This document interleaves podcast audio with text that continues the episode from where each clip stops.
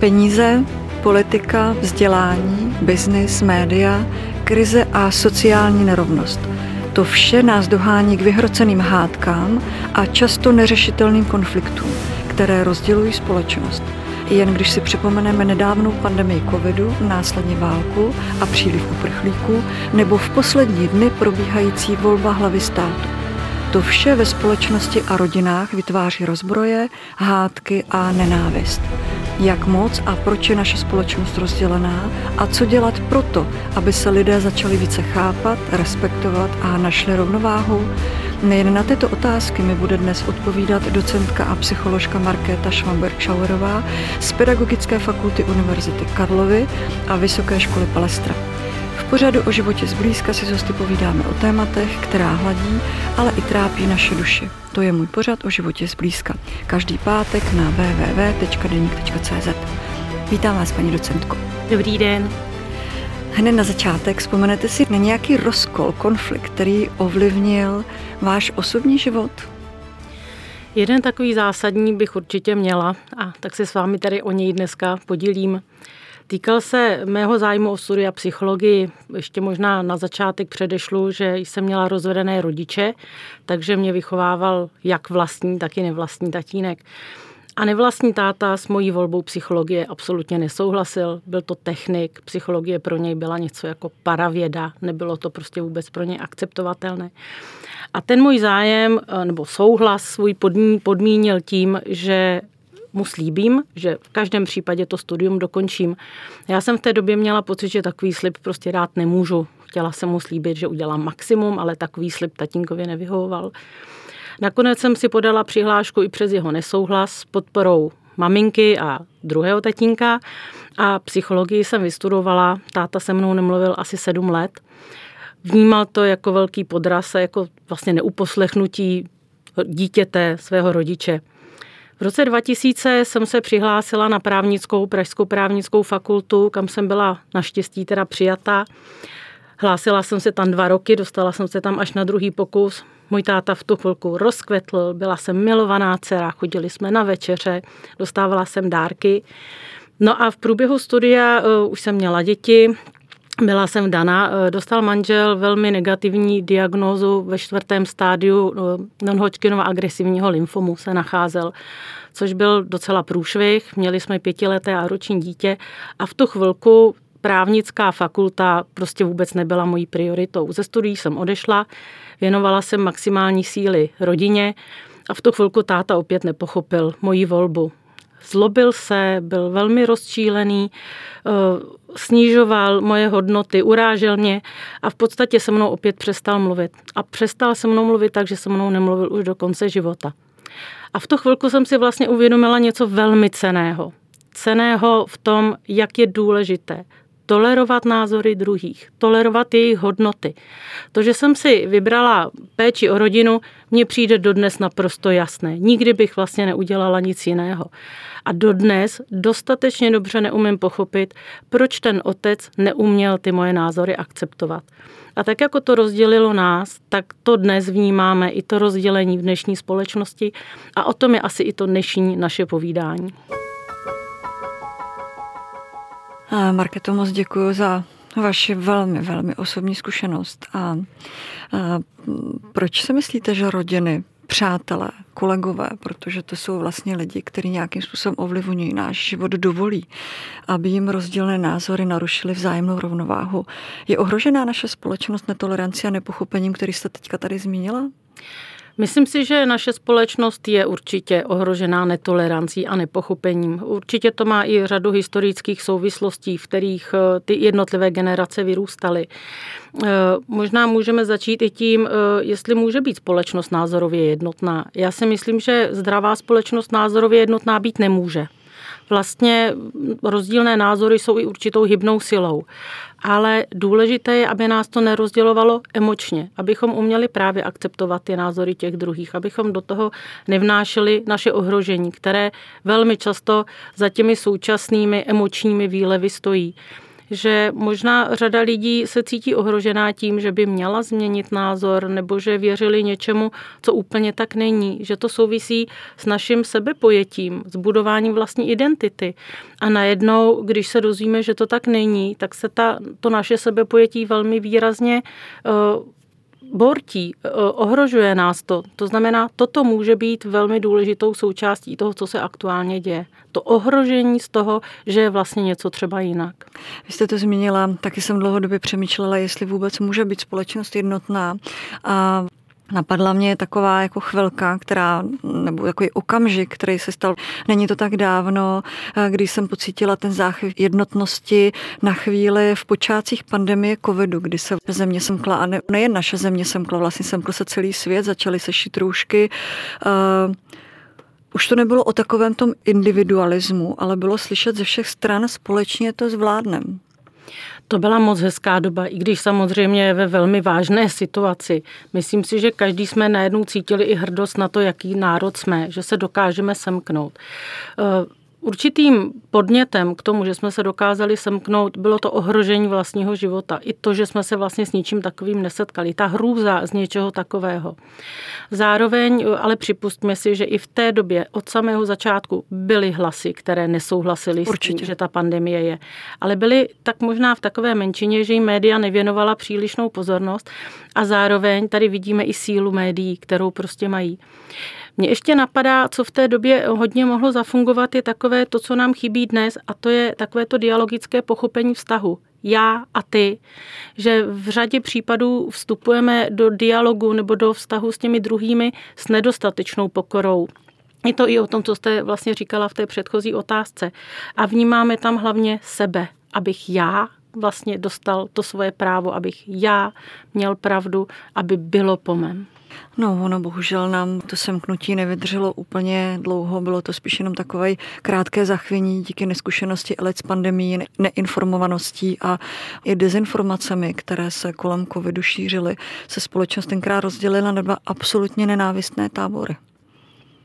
To je pravda. Tady bych řekla, že velmi důležitá je naše zkušenost, kterou máme s různými situacemi, ať je to nějaká infekční nemoc, byť to není na úrovni pandemii, nebo třeba válečný konflikt. Já musím sama za sebe říct, že v 90. letech, co by student psychologie se svými spolužáky jsme byli součástí humanitární pomoci pro uprchlíky z Bosny. Ta se realizovala tedy tady v České republice. A to, co jsme slyšeli za případy nebo příběhy těch lidí, kteří uprchli z Bosny, myslím, že pro začínající studenty to bylo opravdu jako velmi náročné. Asi jeden z takových příběhů, na který nikdo nezapomeneme, bylo vyprávění maminky, které učitelka zastřelila dvě děti, protože prostě patřily do jiné etnické skupiny nebo názorové názorově odlišné. E, stejně tak jsem měla možnost e, v roce 2018 být na Ukrajině, sice ne v té válečné zóně, ale v, bezpečné, v bezpečném prostředí. A už tehdy jsem s každou rodinou, s kterou jsme v podstatě s manželem měli možnost mluvit, slyšela, že někdo z příbuzných je ve válečném konfliktu. Viděla jsem řadou hrobů mladých lidí. Takže pro mě, když se tento válečný konflikt rozšířil, e, ani na vteřinu mě nenapadlo, že by to mohlo být jinak. Zároveň ale připustme, že mohou být lidé, kteří mají jinou zkušenost, z nějakého důvodu zažili něco jiného a to je prostě může vést i k tomu, že té prezentované skutečnosti, které já věřím, oni prostě z nějakých důvodů věřit nemusí. Nebo je možná ta prezentovaná zkušenost natolik ohrožuje, že ji nejsou schopni připustit. Tady v podstatě ještě fungují pak další mechanismy, ke kterým se ale možná ještě v průběhu rozhovoru dostaneme. Proč lidé tedy rádi věřit dezinformacím? Doslova se na ně upnou alpí a nejsou ochotní vůbec připustit, že to, co čtou nebo sledují, je lež. Ono je totiž možná těžké pro nás rozpoznat, co je správná informace a co je dezinformace. V řadě případů dezinformace cílí na naše základní emoce, kterou je třeba strach. Ano. Nebo cílí na naši neznalost. V případě třeba ústavy bychom teď mohli říct řada dezinformací. A e, fungují tady právě ony dva psychologické koncepty. Jedním je kognitivní disonance. A ta nám v podstatě říká, že s ohledem na to, jak máme nastavené svoje vlastní sebevnímání, jak vnímáme svět, tak i máme tendenci vyhledávat určité informace, které jsou v souladu s tím, jak jsme nastavení. A kdybychom vlastně přiznali, že existují nějaké jiné informace, tak by to naše sebepojetí mohlo dostat vážné trhliny vlastně se opakuje pořád podobný scénář. Je ještě zajímavé, že v rámci tady toho konceptu mm, existuje nebo funguje taková jakoby slepota vůči těm jiným informacím. No a pak se tady ukazuje vlastně úplně základní mechanismus, který v psychologii funguje je to obraný mechanismus, od Freuda ho vlastně známe a to je mechanismus popření.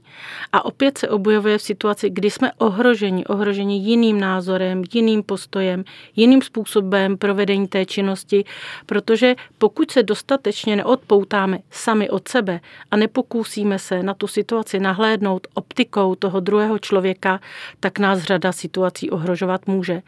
Vidíme to mimo jiné třeba u vitariánů.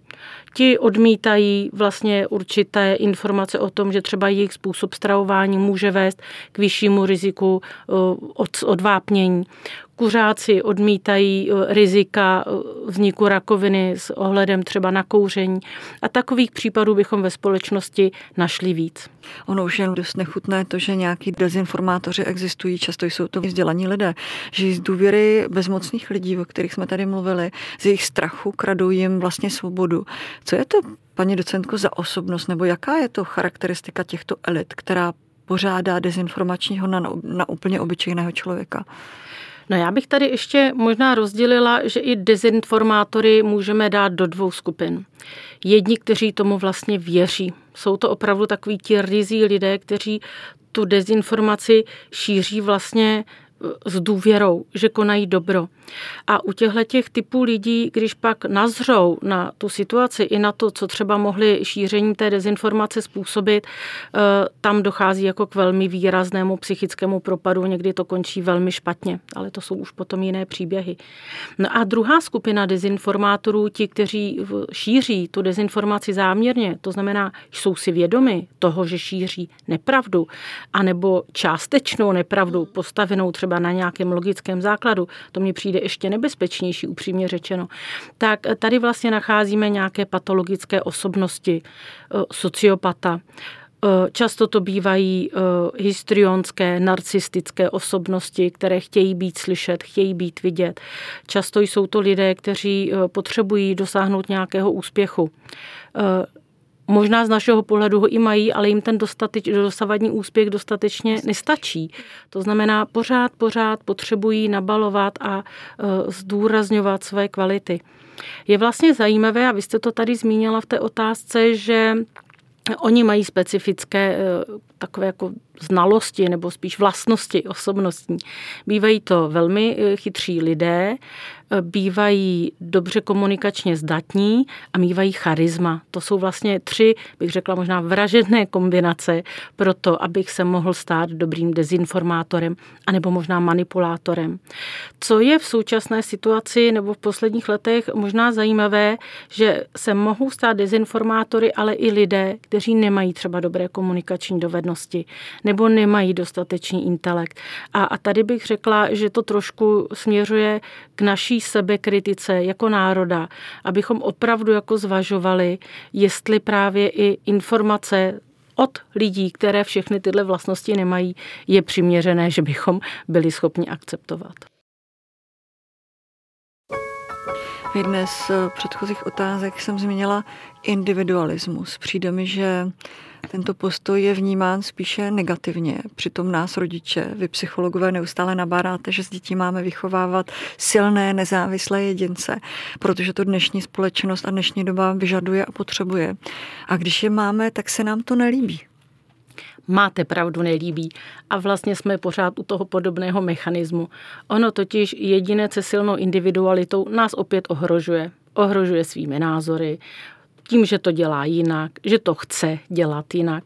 Vlastně eh, musíme být neustále ve střehu mít připravenou argumentaci, mít připravené eh, vlastně kolem sebe věci, které umožní tomu dotyčnému to, co chce dělat jinak, aby to dělat jinak mohl. Ale zároveň eh, já bych řekla, že v každém extrému je určité nebezpečí, že vychovávat děti individualitu je velmi důležité, aby právě uměli říct nahlas svůj názor, nebáli se. Aby se nebáli říct učiteli, že něco vnímají jako nespravedlivého, nebo že v testu mají opravenou chybu a vlastně je to v pořádku. Ale nesmíme vychovávat anarchisty. To znamená, je potřeba nastavovat dětem určité hranice, ty ve výchově prostě musí mít své místo. Bezhraniční výchova je k ničemu. Zároveň ale v rámci těch hranic vytvářet bezpečné prostředí, že když se ozvu, tak mě nikdo nebude perzekovat, nepotrestá mě. Ale stejně tak je důležité učit děti formě. Jak to mají sdělit? Tady je důležité pracovat s rodiči, s učiteli, s ostatními dospělými. A stejně tak je důležité si uvědomit, že individualita jedince vede k tomu, že naruší nějaký konformismus, nějakou většinový, nějaký většinový koncenzus. To, že ho někdo naruší, je v pořádku. To, že ale potom není ochoten diskutovat a není ochoten vlastně přijímat názory těch druhých a bude nesouhlasit za každou cenu, to už je v podstatě to nebezpečí, vůči kterému bychom se zase měli vymezit. Takže individualita, ano, ale s nějakými rozumnými kompetencemi a vědomím si těch hranic. Pojďme si teďka, paní docentko, výjmenovat, co všechno naši společnost rozděluje, naše generace, naše rodiny, naše děti. No, je toho, myslím, docela hodně. Určitě to je sport, od jak živa historicky, kdo komu bude fandit. Ano. Určitě tam je politika zase, kdo komu bude fandit. Eh, mohli bychom určitě eh, se dostat k tématům ženské krásy a mužného vzhledu. I to může společnost rozdělovat. Z těch aktuálních témat bych tam určitě zařadila eh, diskuse týkající se tolerance sexuální identity a orientace. To si myslím, že společností hodně jako hýbalo. Pak určitě tolerance k různým druhům výživy k různým druhům vzdělávání, například i na primárních stupních, jakými metodami budeme děti vzdělávat v češtině, v matematice. E, dalo by se tam určitě e, zařadit i třeba tolerance e, k nějaké volbě profesí, které profese jsou třeba vhodnější a které méně. Takže myslím si, že těch témat, která mohou společnost rozdělovat, je opravdu jako více. Jste zmínila vzdělávání a psala jste mi také zprávu, že demokracii je nutné učit, učit se formulovat myšlenky, ovládat emoce. Je to opravdu to, co nám, paní docentko, chybí, ale lze se to naučit? Já si myslím, že to je právě hlavním zdrojem konfliktu a to, co nám opravdu jako chybí. Eh, možná eh, takové to pochopení, co to ta demokracie je. Když se vlastně nad tím zamyslíme eh, v tom celém kontextu, tak naše rodiče v podstatě neměli možnost zažít, co je demokracie. Moje generace, a mě je teda lehce přes 50, v podstatě tím, že jsem vyrůstala většinu dětství a dospívání až do mladé dospělosti v tom režimu, v jakém jsem vyrůstala, tak také neměla zkušenost, co to je demokracie. A ta naše generace vlastně vychovává novou a ta další další novou s tím, že vlastně bez zkušenosti vychováváme někoho k demokracii a máme k tomu jenom nějaké znalosti. Můžeme si přečíst zkušenosti ze zahraničí, můžeme vnímat, jak to mají jinde, ale tu vlastní zkušenost nemáme. A to si myslím, že velmi výrazně škodí a projevuje se v té aktuální situaci. Eh, pojďme možná tu současnou situaci využít k tomu, že zastavme se, zkusme naslouchat, učme se lépe formulovat myšlenky. Když máme pocit, že nám do toho leze emoce, nadechněme se, vydechněme a zkusme si říct, dobře, pojďme se na to podívat z pohledu toho druhého člověka. Protože to je hrozně důležité. V momentě, kdy začnu přemýšlet, proč vlastně ten druhý preferuje tenhle sportovní klub nebo tohodle kandidáta ve volbách, tak vlastně ty moje emoce mě trošku přestanou ovládat. Začnu do toho zapojovat to racionálno a přemýšlet vlastně o těch volbách nebo důvodech, které vedou tu druhou stranu k jeho preferencím. Jste zmínila generace, když se k té generační křivce eh, upnu, tak dříve se mladí lidé ubírali ke stáří jako k jakému si moudru, protože takový člověk mnohé zažil a tak mohl předávat jak, eh, ty své zkušenosti dál. To už ale se dneska tak říkajíc nenosí. No, máte pravdu, že se to dneska tak říkajíc nenosí, ale hmm. myslím si, že každá generace by nám potvrdila, že se tam opakoval podobný mechanismus. Že staří měli pocit, že mladí jim dostatečně nenaslouchají ano. a mladí měli pocit, že staří nejsou dostatečně otevření. Možná je to dnes výraznější, ale myslím, že historicky bychom eh, se dozvěděli úplně to stejné. A mně tady eh, velmi přijde důležité, aby právě každá z těch generací opět udělala nějaký ústupek ve smyslu, Staří mají nějaké zkušenosti díky tomu, že prožili řadu věcí. A mladí jsou možná víc otevření změně. Umí lépe pracovat s moderními technologiemi, pracují s více zdroji, s cizojazyčnými zdroji. Takže pojďme to propojit. Nakonec psychologii a pedagogice máme termín eh, mezigenerační učení. A o tom to přesně je umět naslouchat a dát prostor sobě samým. Mně ještě přitom napadá, jak je hrozně důležité, aby právě eh, my starší, že to tak řeknu, jsme si uvědomili, že možná ne všechno jsme také dělali podle pravidel a bylo všechno v pořádku. A vybavuji si eh, jednání u jedné disciplinární komise se studentem vysoké školy, který eh, tedy měl takový prohřešek na kurzu, nejednalo se o plagiátorství a jeden pan profesor eh, tam právě apeloval, ať si vzpomeneme, jak se choval Karel IV., co by císař. A mně to přijde velmi jako příhodné, protože i Karel IV., co by císař, jezdil tajně na turnaje, podstupoval rizika, víme i, že to vlastně v jednom tom turnaji špatně dopadlo. A tady právě je to důležité, že každý z nás vlastně občas dělal něco, co se dělat nemělo. To je pravda, ale víte, mnohdy se právě ta starší generace upíná a vrací k historii, jsou přesvědčeni o tom, že to tenkrát by se nestalo, vždycky byla práce a měli jsme co jíst, stát by nás nenechal na holičkách, slychám sama od lidí žijící primárně na venkově. A aktuálně se tyto myšlenky ve velkém projevily právě z neinformovanosti nebo dezinformací nejen ohledně covidu či očkování, ale aktuálně války a přílivu jimi nechtěných uprchlíků volby prezidenta, kdy se vede mezi kandidáty až extrémně, extrémně vyhrocená politická kampaň. Jak spolu mají tyto dvě generačně odlišné skupiny komunikovat? Já vím, že se tam tady teďka přiblížila, ale udržet si emoce na úzdě a nalézt pochopení a e, zůstat, e, zůstaňme teďka v primárně v rodině tak, aby opravdu ty lidi to zvládli. Já si myslím, že eh, je to opravdu hrozně důležité pochopit eh, právě tu starší generaci. Mladá generace často svým rodičům vyčítá, že nic nedělali, že v té době komunismu eh, vlastně táhli jako za jeden provaz s tím režimem, neměli dostatek odvahy se tomu vzepřít a tohle já bych nikdy nikomu nevyčítala, protože ono jako z odvahu je to velmi složité. Řada lidí by třeba, kdyby byli sami, měli dostatečnou odvahu, ale měli za sebou děti, další partnery, vnímali určité souvislosti a i když to může pro někoho vypadat jako kliše, tak nikdo jsme v té situaci asi nebyl. Ta moje generace ne, protože já v sedmi nebo v patnácti letech určitě jako nemůžu uvažovat o tom, že změním svět, ale je hrozně důležité, jestli jsme byli těmi rodiči nějak edukováni, jaké hodnoty v nás byly pěstovány. A to si myslím, že dnes ukazujeme. A říct, že bychom se zachovali jinak, je strašně jako jednoduché. Až v té situaci budeme, tak se tak jinak zachovejme a ukažme, že tu dostatečnou odvahu máme. A e, tím, že vlastně přestaneme té starší generaci tyhle věci vyčítat, tak je možná přestaneme i ohrožovat. Připustme, že vlastně v dané situaci řada z nich dělala maximum, že to udělat jinak nemohli. Je to podobné, jako když některé maminky propadají panice, že dávali děti do jeslí, protože později se ukázalo, že je vlastně lepší, aby dítě vyrůstalo v rodině. A v řadě případů opravdu se obráceli na psychologii a byli nešťastné, že asi těm dětem způsobili trauma dané situaci, to bylo naprosto normální a oni jinak postupovat nemohli.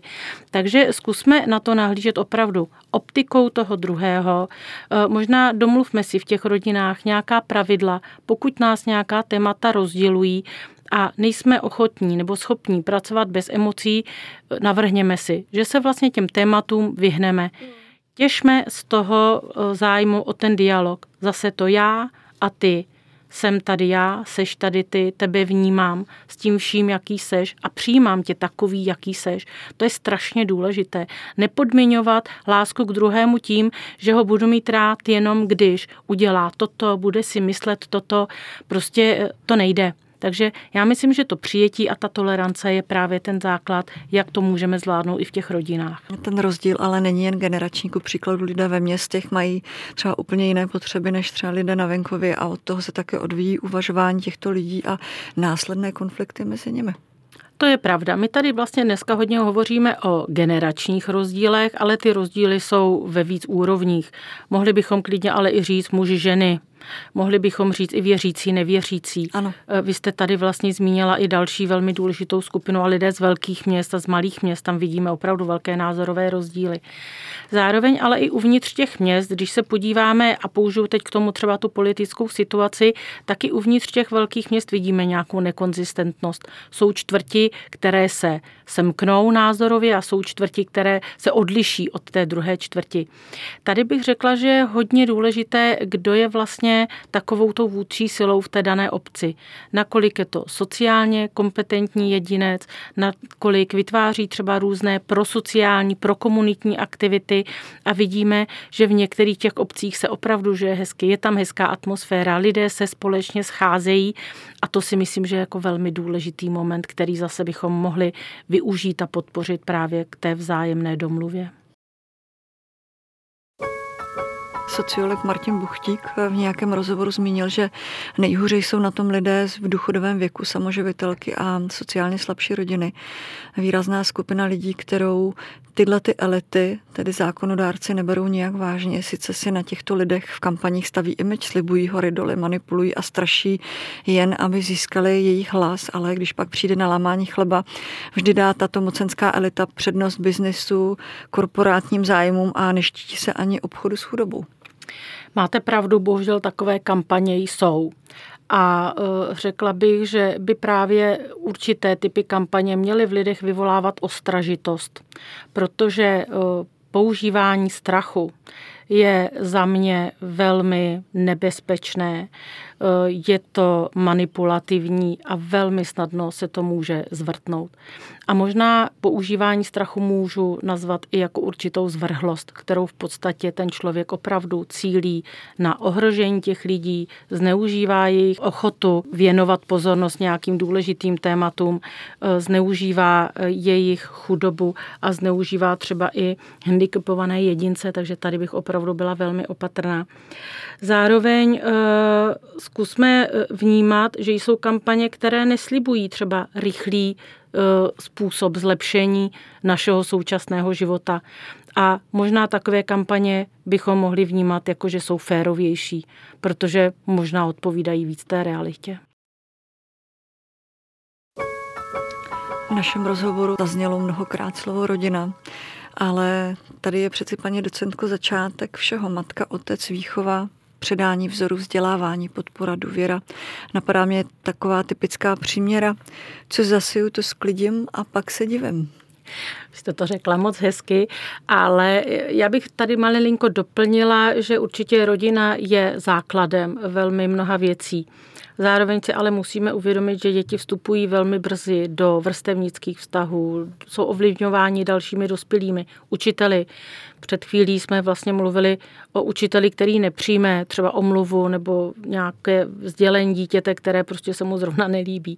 Další dospělí nám vstupují do té výchovy. Dneska děti ovlivňují velmi výrazně i média, influenceři. Takže eh, já bych to úplně pak nesváděla na tu rodinu, i když souhlasím, že tam je základ. Velmi důležité je právě nastavení těch hranic, komunikačních pravidel, otevřenost k diskusím. E, stejně tak ale e, jsem zažila spoustu rodin, které fungovaly dobře a nejenom třeba jako na povrchu, ale opravdu i jako uvnitř všechno bylo v pořádku a ty děti oslovilo z nějakého důvodu prostě něco jiného z té společnosti. A naopak je i řada rodin, které vypadají plně nefunkční, vypadají jako velké riziko pro to dítě a vychází nám nebo vyrůstají nám z těchto rodin také vynikající děti. Takže právě proto možná, že reagují na to, co zažili. Jo? Je to určitý jakoby způsob, jakým eh, kompenzují právě to nevýhodné prostředí.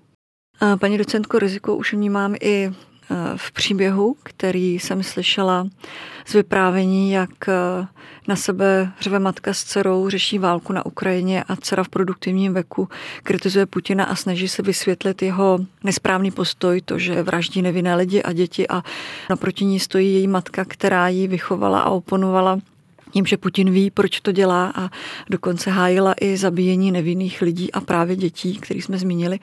Nakonec došlo k nespiřitelnému střetu, kdy se do tohoto sporu vtáhly i děti a slyšeli věty, babička je komunistický psychopat, sem jezdit už nebudete, nebo to, že babička řekla díky názorům tvé matky eh, bude do zajista válka i tady, nebo v ní zabít tvého tátu. Děti byly z té situace absolutně vyděšené. Dá se vůbec předcházet nebo řešit podobné rozkoly v rodinách? Já myslím, že dá. A opět to chce ale určitou intenzivní ochotu, spolupráci těch zúčastněných stran. E, pokud to vlastně k takovým situacím dochází, tak jednak většinou k ním dochází, protože pravděpodobně už té primární výchově nebyl dostatečný prostor pro otevřenost a pro diskusy tak ta dcera se v podstatě naučila podle vzoru nějaký mechanismus, který teď aplikuje. Ano, můžeme si říkat, že dcera versus matka by to mělo fungovat jinak, ale možná tam už jsou obě ty role smazány tím, že se posunuli do role toho dospělého.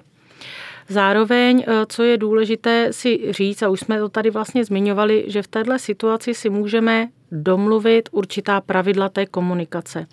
Vynechala bych to hodnocení, protože to vždycky směřuje právě k tomu našemu sebepojetí. To je to, co nás vždycky jako bodne a velmi špatně se potom vlastně dál diskutuje, protože tím posouváme diskuzi do jiné než ano. racionální roviny. A zároveň eh, se dá opravdu i vymezit čas, kdy se případně těm tématům věnovat chceme. Ale velmi důležité je opravdu se domluvit, že jsme rodina, máme si jako členové rádi, je to právě to vnímání toho druhého a ta pravidla dodržovat. To je hrozně důležité. Mně k tomu napadá eh, jeden takový příběh z mé vlastní praxe, když začala válka, asi 14 dní poté obrátila se na mě maminka nějakého dítěte na vyšším gymnáziu, že mají velký problém s babičkou, že stresuje děti. Neustále si připravuje mobilizační balíček a přemýšlí, jak se dostat do krytu, co si tam všechno sebou má vzít. A opravdu děti byly velmi vystresované. A domluvili jsme právě něco podobného, že prostor pro diskusi, obavy té maminky, vlastně té babičky, byl u mě, tam si vlastně obě mohli vykomunikovat, co bylo potřeba a nevedla se ta diskuse před dětmi. Když se ještě vrátíme do těch dob komunismu, který jsme tady zmínili, tak eh, samozřejmě šarvátky jsme zažívali kdysi zažívat je asi budeme stále. A řešili jsme je dříve v hospodách, třeba při sledování hokeje, sportu, který samozřejmě velmi vyvolával emoce. V totalitním režimu se muselo fandit například hokejistům SSSR, ale ve výsledku to začalo nebo dopadlo častokrát tak, že vlastně došlo k jakési politické rvačce. Máte pravdu, sama si z dětství pamatuji, že u nás to bylo tak o tom, že jeden dědeček fandil ruským hokejistům, druhý dědeček z principu nefandil. A tady mě právě možná jako napadá, že když máme principiálně někoho v té kategorii nepřítel, že vlastně mu nejsme ochotní vůbec jako přiznat nějaké pozitivní vlastnosti. A zase mě k tomu napadá, že je taková jako fajn psychologická technika, kterou tedy nabízíme třeba dětem dospívajícím, když si v kolektivu s někým nerozumí, a ta technika se jmenuje změna úhlu pohledu. Někdy se trénuje i s manažery. A je to prostě o tom, že si sednu, řeknu si, kdo je ten můj nepřítel a hezky mu pět minut vymýšlím nějaké pozitivní vlastnosti. Je to velmi zdravé a velmi osvobozující, protože mě vlastně přesměruje to moje myšlení z té negativní stránky do té pozitivní.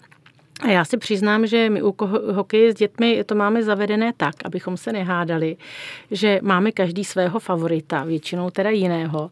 A máme takový jako specifický přístup, že sledujeme chyby u vlastního týmu a ty pozitivní věci u toho soupeře. A pak ta diskuze po hokejovém utkání je úplně super. Taková vášnivá bych řekla. Ale vlastně v pozitivním, protože my vlastně obhajujeme chování toho protihráče a zároveň střílíme do vlastních řad. Dnes se, paní docentko, lidé dokáže porvat nejen asi v hospodě, ale i slovně na sociálních sítích nebo v diskuzích po články produkované digitálními médii. Vyhrožují si, nešetří vulgarizmy, šíří dezinformace. Jak se orientovat v tomto virtuálním světě a nepodlehnout tomu zaškatulkování se, do kterého táboru člověk patří? Já myslím, že vlastně zaškatulkování se asi dnes nevyhneme. Ale možná, že by někdo třeba měl jiný názor. Myslím si, že právě e, i tím, že máme různé vlaječky a ty profily si něčím dobarvujeme, i máme vlastně e, takovou potřebu se vymezit, jako sami si do té škatulky třeba i lezeme. Ale co je hrozně důležité, že když se ta komunikace vyhrotí, tak ji dál neeskalovat. Na tu diskusi vlastně musí být dva. A když mi někdo začne urážet a začne tam prostě být vulgární, já nemusím odpovědět. To není nespolečenské. Naopak je to docela jako rozumné.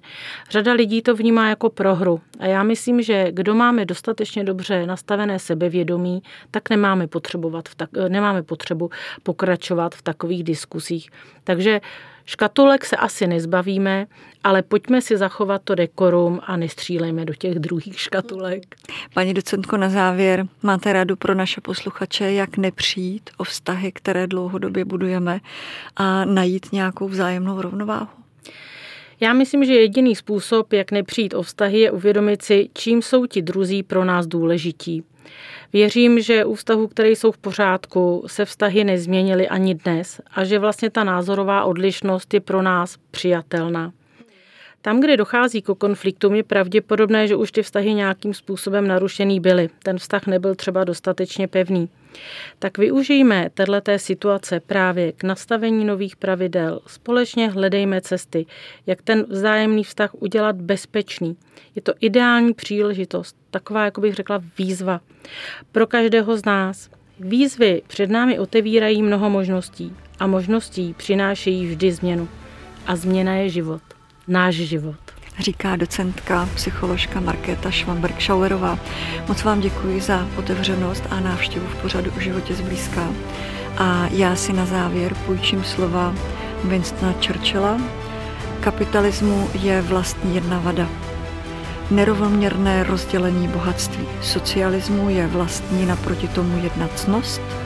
Rovnoměrné rozdělení bídy. Milí posluchači, užijte si svobodnou volbu hlavy státu a příjemný poslech na www.denik.cz přeje Bohumila Čiháková. Děkuji moc, paní docentko, za návštěvu. Děkuji za pozvání, nashledanou. Milí posluchači podcastu o životě zblízka, svoje příběhy, náměty, o čem byste chtěli poslouchat příště, typy nebo rady pište na adresu deník.cz.